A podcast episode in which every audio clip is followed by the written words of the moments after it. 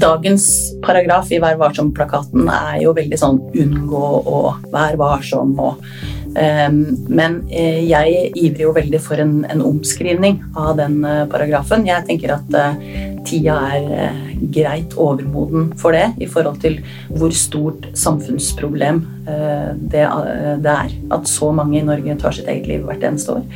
Det er helt feil hvis pressen skal unngå å omtale det. It's a disgrace. And I think they ought to apologize to start with. Dominere mediebildet. A failing media. Pile of garbage. Pause. False and fake, fake, fake, fake, fake, fake. Denne episoden av Pressepodden skal handle om et tema som jeg egentlig syns er litt eh, vanskelig. For over 600 personer i Norge tar sitt eget liv hvert eneste år. Samtidig så sier Vær varsom-plakaten at vi skal være varsomme og unngå omtale som ikke er nødvendig når det gjelder selvmord. Hvor går egentlig grensene for hva vi i pressen kan si og ikke bør si? Og hvordan lager vi best journalistikk på et så stort samfunnsproblem? Det skal vi prate om i dag med ei som ikke er redd for å lage journalistikk om de mest sårbare. Mitt navn er Kristine Sterud, og før vi går i gang, skal vi ha en veldig kort reklamepause. Last ned Medier24-appen og bli varslet om de viktigste sakene. Du finner den i AppStore og Google Play. Gravejournalist i Aftenposten og A-magasinet Anne Marte Moland, velkommen til Presspodden. Tusen takk. Du starta jo i Aftenposten i 2021 og har siden da jobba med sakene som går under temaet 'Barna Norge svikter'. Hva er det disse sakene her handler om? Barna Norge svikter er et eh, graveprosjekt som har eh, undersøkt hvor mange alvorlig psykisk syke barn som er under barnevernets omsorg. Ehm, det fantes det rett og slett ingen oversikt over fra offentlige etater. Eh, vi spurte hvor mange er det. Det fikk vi ikke noe svar på høsten 2021. Vi spurte om de fikk den omsorgen de trengte, om de fikk den helsehjelpen de trengte. Det var det heller ingen som hadde kartlagt. Det var rett og slett ingen som hadde granska eh, på dette feltet. Så vi har, jo ikke, har jo ikke bare kartlagt hvor mange de er, eh, men vi har også kartlagt hvordan de har det, eh, hva de lider av, og hvordan systemet svikter i omsorgen og behandlingen av disse mest utsatte barna. Hva var det som gjorde at du ville jobbe med akkurat dette? Det starta eh, med at jeg eh, begynte i Aftenposten. Så hadde jeg med meg en idé om å jobbe med de mest sårbare eh, barna i barnevernet. Samtidig som det i Aftenposten hadde kommet inn et veldig alvorlig tips i en helt konkret sak. Den saken lagde vi aldri av mange forskjellige årsaker. Eh, men da hadde vi på en måte fått vann på mølla eh, etter å ha jobba oss gjennom det tipset, og da bare fortsatte prosjektet. Hvordan har det vært å jobbe med? Det er jo ganske heftig tema med både store institusjoner og ja, rett og slett sårbare mennesker som er involvert. da. Jeg syns det er eh, noe av det mest meningsfulle jeg driver med som journalist. Å løfte på en måte opp de mest sårbares eh, stemmer. Eh, og la eh, dem eh, bli hørt. Jeg syns det er veldig interessant, men også slitsomt å jobbe med mennesker i kriser, mennesker i sjokk og sorg, mennesker med store psykiske helseutfordringer. Og så syns jeg det er veldig nødvendig og veldig spennende å jobbe med store systemer.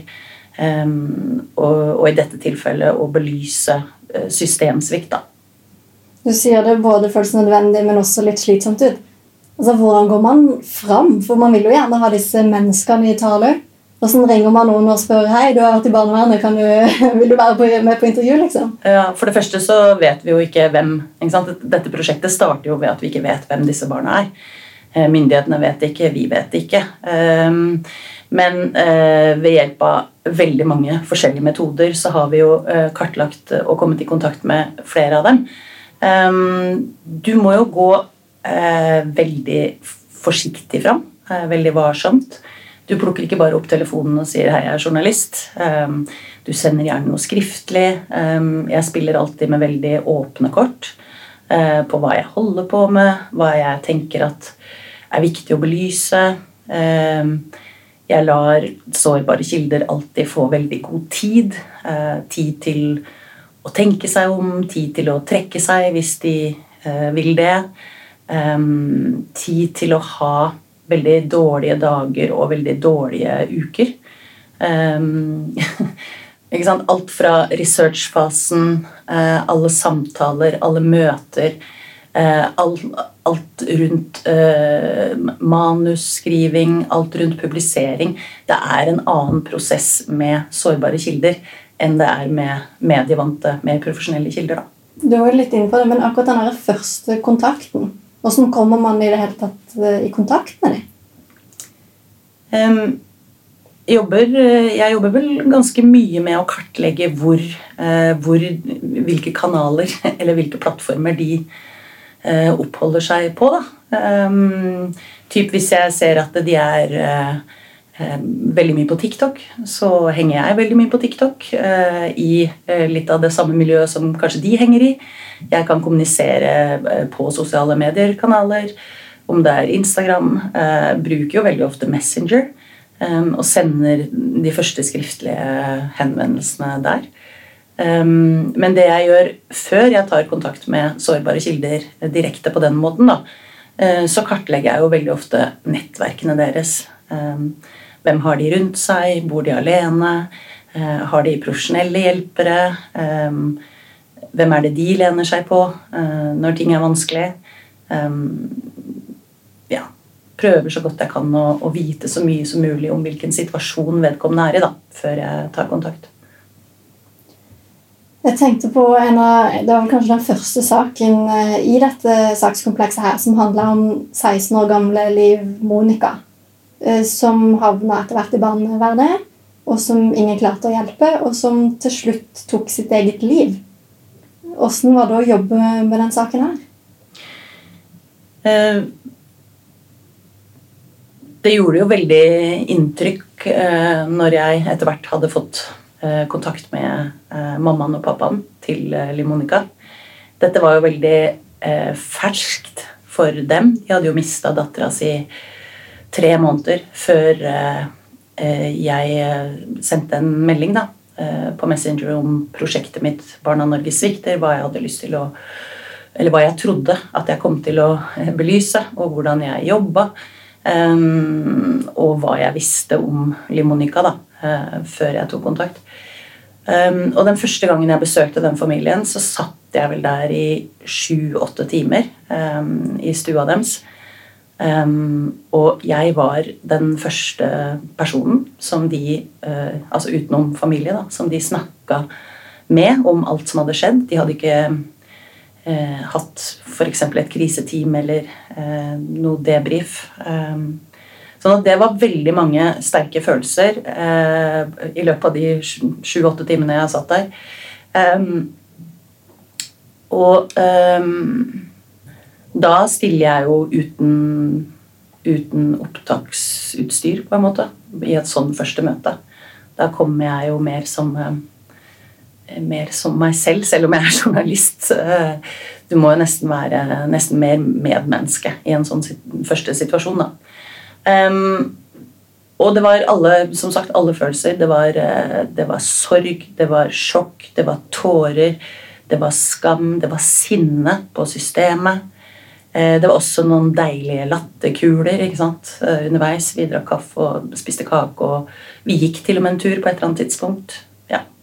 Vi var oppe på rommet til Liv Monica, som fortsatt sto urørt. Det gjorde jo veldig inntrykk.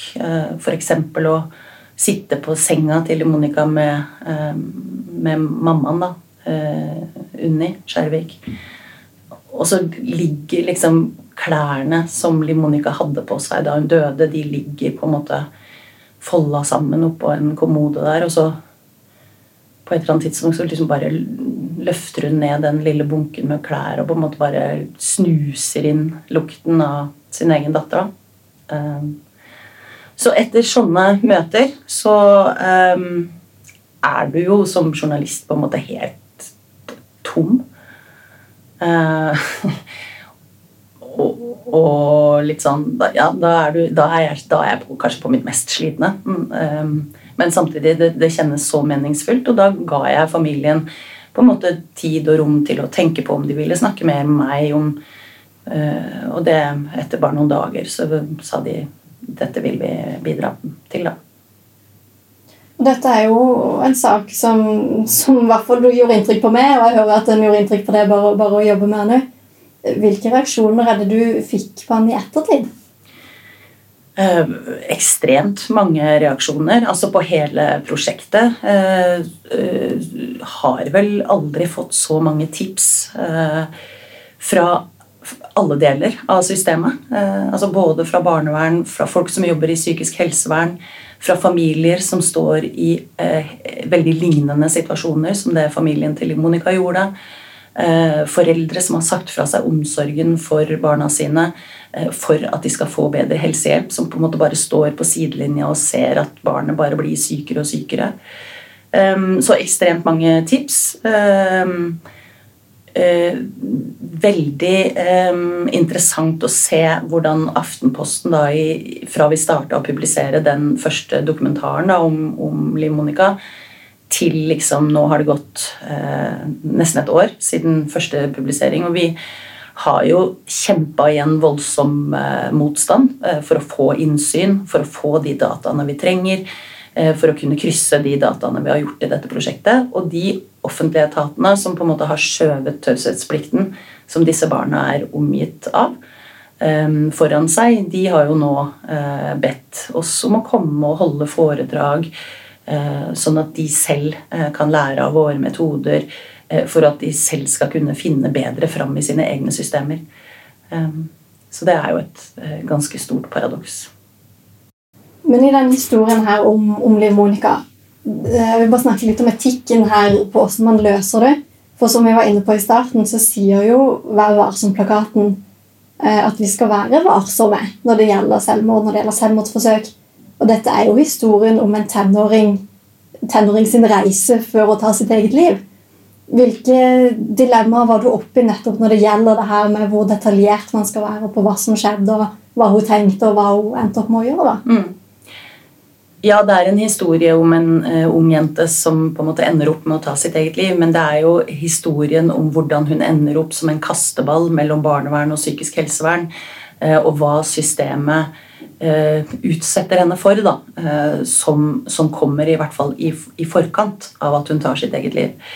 Men akkurat rundt uh, beskrivelsene det er, jo, uh, det er, jo, et etisk minefelt i forhold til uh, dagens paragraf i Vær varsom-plakaten. Um, altså Unngå beskrivelse av metode.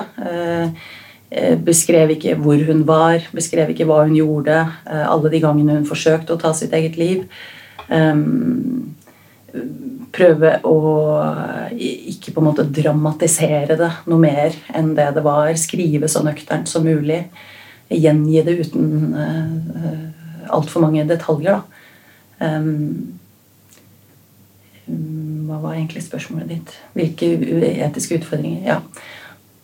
Og også i den saken, eh, siden vi eh, brukte mye av innholdet fra Limonicas egen mobiltelefon fordi hun hadde kommunisert mye med hjelpeapparatet via f.eks. Snap og, og, tekstmeldinger, eh, så var det jo også en stor oppgave i å på en måte mm, beskytte hennes ettermæle. Sånn at det å skille hva som var på en måte hennes stemme opp mot systemet, men ta vekk det mest private, det mest utleverende. Eh, ting hun hadde delt med venner. Ting som ikke skulle se offentlighetens lys. da. Ting som var privat, rett og slett. Mm. For Grunnen til at jeg snakker så mye om dette med etikken rundt selvmord, er jo bl.a. fordi at du sitter i, i, dette utvalget som nå skal revidere Vær varsom-plakaten. Og da spesielt dette punktet som handler om, om selvmord. Hva synes du om å, å være med og, og se på akkurat det punktet der? Jeg syns det er uh, veldig spennende og um, er jo et ærefullt oppdrag å få lov til å sitte i det utvalget. Um, jeg har jo jobba uh, med å få selvmordstematikken inn i journalistikken helt bevisst siden 2017-2018.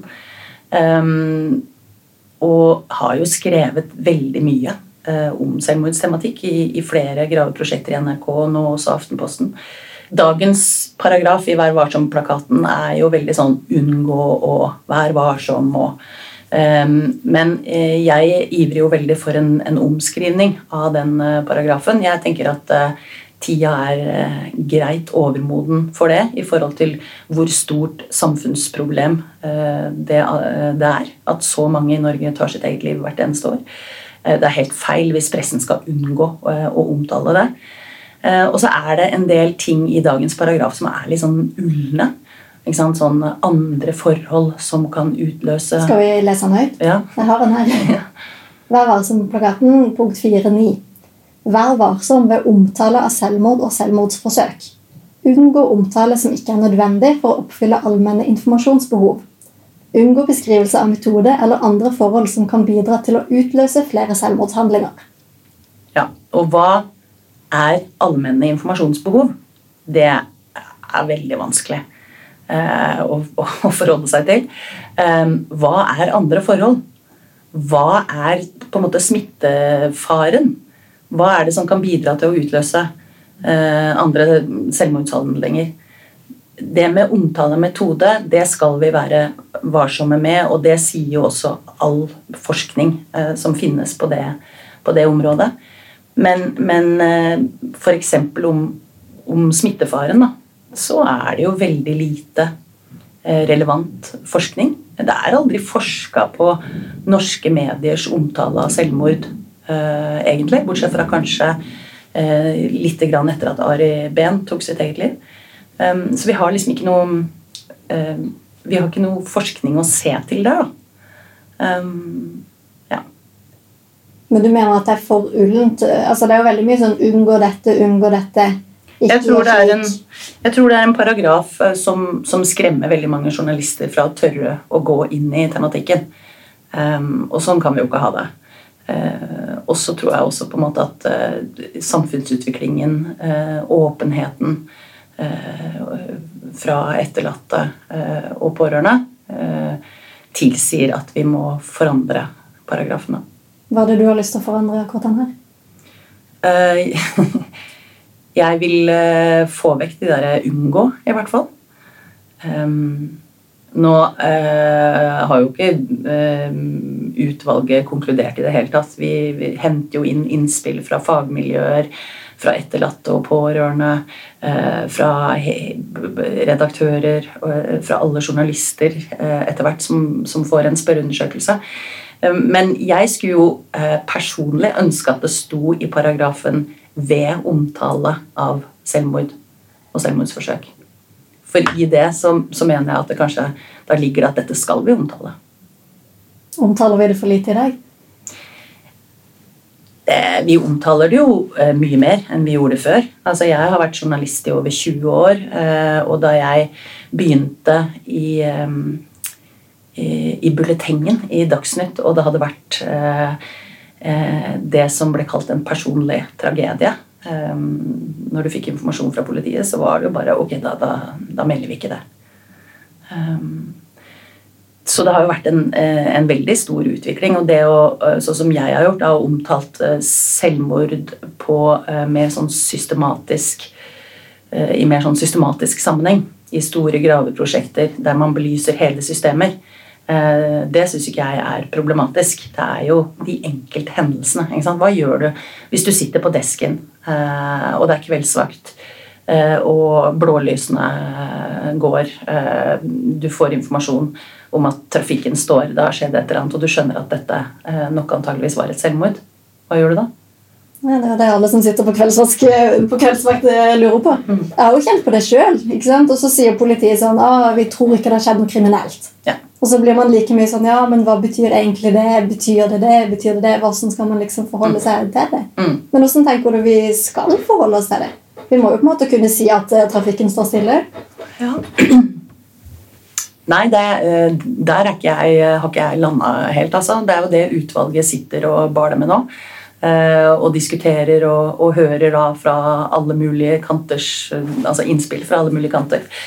Eh, så jeg håper vi kan lande på eh, ordlyd i en paragraf som på en måte passer til både Eh? Enkeltsaker, systematisk Altså det å belyse større systemer som, som er knytta til, til, selvmord, f.eks., men også fanger opp i seg den, den situasjonen da, der du sitter på den desken på kveldstid. Og så syns jeg det er viktig å, uh, at vi er tydeligere, for vi videreformidler jo som journalister den samme litt sånn ulne beskjeden fra politiet. Mistenker ikke at det skal ha skjedd noe kriminelt. Mm. Um, jeg er jo for å kalle en spade for en spade, men så er det jo et uh, ekstremt viktig hensyn å ta, og det er jo til pårørende og familier. Og så er det vel ikke alltid man vet med en gang heller. Så når push-varselet skal, skal, sendes ut, så er det ikke alltid man vet alle detaljene på hva som egentlig har skjedd. Mm. Last ned Medier24-appen og bli varslet om de viktigste sakene. Du finner den i AppStore og Google Play. Du er jo en litt sånn forkjemper for mer åpenhet eh, rundt dette. Hva var det som gjorde at du begynte å bli interessert i det i utgangspunktet? Um, det begynte vel egentlig med et uh, graveprosjekt i NRK uh, som handla om selvmord i psykisk helsevern.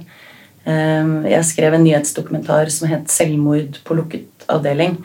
og da ble jeg veldig interessert i, i tematikken. hvordan var det rett og slett mulig at så mange pasienter da, under behandling eller rett etter behandling tar sitt eget liv? Um, så det også var jo en sånn systematisk inngang da, å se på hele, hele psykisk helsevern. Um, og så har det vel egentlig bare balla på seg videre derfra. Og når du jobber med disse store prosjektene, hvordan tar man òg hensyn til seg sjøl? Ja, det er jeg litt dårlig på. um, nei, det det er jo en floskel, men det er, det er, jo sånne store graveprosjekter med sårbare kilder, selvmordstematikk. Um, det er jo en eh, livsstil. Det er jo noe du lever med uh, i, det, i, den tida det tar å jobbe med det prosjektet. Og så er det litt viktig når det er um, rolige perioder innimellom. Når du kanskje venter på at du skal få et innsyn, eller du sitter og knoter med en eller annen database, eller at du uh, tar deg litt luft da. Ikke sant? Um, at du kanskje ikke sitter på kontoret den dagen. Kanskje du gikk en tur um, isteden. Og så er det jo veldig viktig for meg å, og Jeg er veldig glad i å jobbe i team. Uh, og jeg syns det er veldig viktig når man jobber med sånne saker, at man har noen å jobbe sammen med. Uh, og kan liksom debrife fortløpende. Og så er humor er jo gull. Bare ha litt galgenhumor. Ehm, og le litt av alt som det egentlig ikke er lov å le av i det hele tatt. Eh, eh, så det bruker jeg jo helt bevisst. Eh, men jeg blir jo godt forsynt, altså, i perioder. Og nå er vi liksom i utgangen, vel, på oppløpssiden da, med det Barna Norge svikter-prosjektet. Og da kjenner man seg jo litt sånn tappa. Litt sånn empatitom, litt forsynt, litt ferdig. Eh, men for meg så varer det heldigvis Det har jeg vært borti før, og det varer i eh, korte perioder. Og så finner du på en måte ut hvor meningsfylt det er allikevel. da. Så får du ny energi. Så gjør du det igjen. Og igjen. Ja. Og igjen. For du snakker jo litt om det her med å være i team, at det er viktig for deg. hvert når du jobber med dette. Har du noen tips eller råd til andre redaksjoner som ønsker å gå i gang med sånn, ja, f.eks. graveprosjekt som handler om sårbare temaer eller som involverer sårbare kilder. Det som er, fint da i teamet, er jo ikke bare den debrifen da, som man kan fortløpende gjøre og snakke ut om inntrykk eller vanskelige menneskemøter og sånn. Det er jo også å fordele byrdene. Eh, det å jobbe opp mot Limonikas familie, f.eks. Eh, det eh, Det var det jo bare jeg som gjorde. Men Eh, jeg hadde jo kolleger som jobba med andre familier. ikke sant? Eh, min kollega Ingunn Røren jobba f.eks. veldig mye opp mot en jente i barnevernet som hadde flytta mest av alle av disse barna, som bare blir flytta rundt fra sted til sted. Eh, og det er litt sånn, Da fordeler man byrden litt. ikke sant? For det er Liv Monicas familie er en skjønn og nydelig familie, men det er jo også krevende å forholde seg til sant, deres følelser og forvalte dem også. Eh, Har du fortsatt kontakt med dem i dag? Ja. Jeg bruker veldig lang tid på å um, hva skal jeg si, kildekontakt med sårbare kilder. Uh, den, den, varer uh, en god stund. Sikkert fordi prosjektet har vart en god stund. Jeg har jo måttet informere dem underveis om hva som kommer, og hva jeg jobber videre med. og at Liv Monicas sak blir jo nevnt igjen og igjen. Den ble jo på en måte gjenopptatt av statsforvalteren etter at vi publiserte. Den ble granska på nytt. Altså, var jo en del sånne eh, ting som gjorde at jeg måtte ha kontakt med det.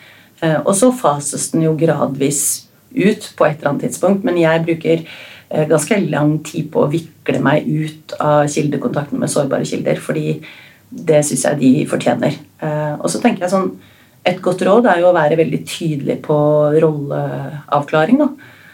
Og være veldig åpen på at jeg er journalist, jeg kan ikke hjelpe deg med det og det. Ehm, jeg jobber på denne og denne måten, og nå har vi masse kontakt. Eh, og, eh, og så rundt publisering sørge for at ehm, de er godt forberedt. Ehm, debrife etter publisering, høre hvilke reaksjoner de har fått.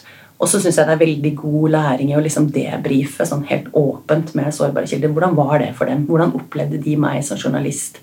Hvordan opplevde de publiseringen? Eh, hvordan var det i lokalmiljøet? Hva sa de der? Hva prater de om? Hvem har ringt deg? Ja, Det lærer jeg veldig mye av til neste gang jeg skal jobbe med sårbare kilder. Hva lærte du sist? Um, ja, det har jeg egentlig lært i flere prosjekter. At eh, de opplever jo det som veldig positivt rundt publisering eh, når de har på en måte et, et, mål som er litt sånn større enn sin egen sak. Ikke sant? Sånn som med Liv Monicas familie. De får jo aldri tilbake Liv Monica, men de var veldig interessert i å medvirke for å belyse et større system. Um, og det tror jeg uh, de syns vi fikk til.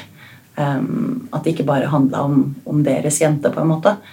Um, og så Ja, jeg bor jo godt uh, innafor Ring 3. Uh, det er noe annet når Aftenpostens og magasinets saker publiseres på front i Stavanger Aftenblad, ikke sant? og den står i hyllene ute i den lille bygda der alle veit hvem Liv Monica var. Uh, det er jo et stort trøkk på familien når ordføreren kommer og ringer på døra. Og, og har lest avisen. Mm. Eh, og det er litt viktig å, å ta med seg, tenker jeg. At, sant, hvilket miljø er det dette uh, også skal publiseres i, da. Vi skal begynne å, å runde av her, men du sier det er litt sånn eh, sluttfase på akkurat det prosjektet her eh, nå. Hva tror du blir ditt neste prosjekt innenfor sårbare kilder? Altså Mitt fagfelt Eh, vil jeg jo si at det er barn og unge. Eh, barn og ungdom. Eh, og innenfor psykisk helsevern er jo ofte der jeg jobber. Så du skal jo ikke se bort ifra at det blir i, i noe av den samme leia. Det er jo det jeg føler at jeg er best til. da men jeg har en sjef som kanskje syns at jeg kan gjøre litt sånn hyggeligere ting innimellom.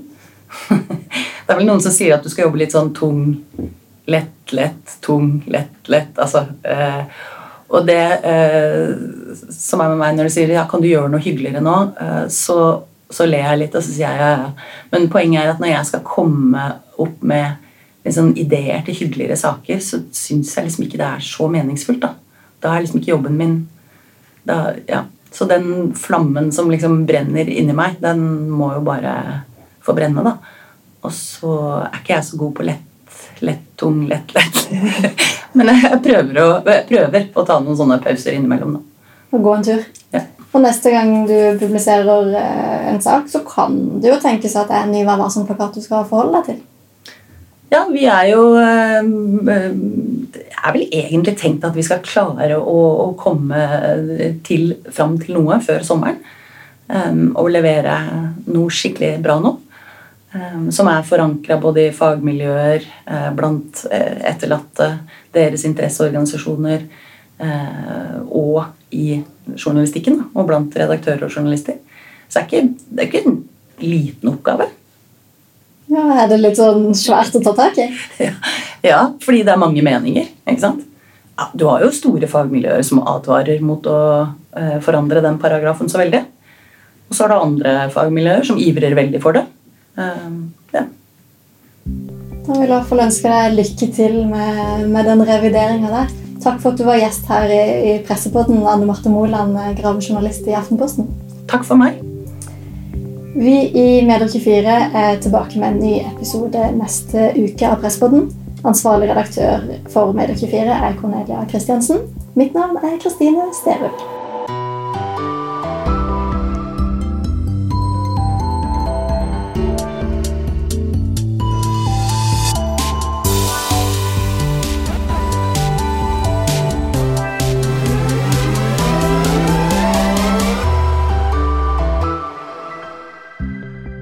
Last ned Medier24-appen og bli varslet om de viktigste sakene. Du finner den i AppStore og Google Play.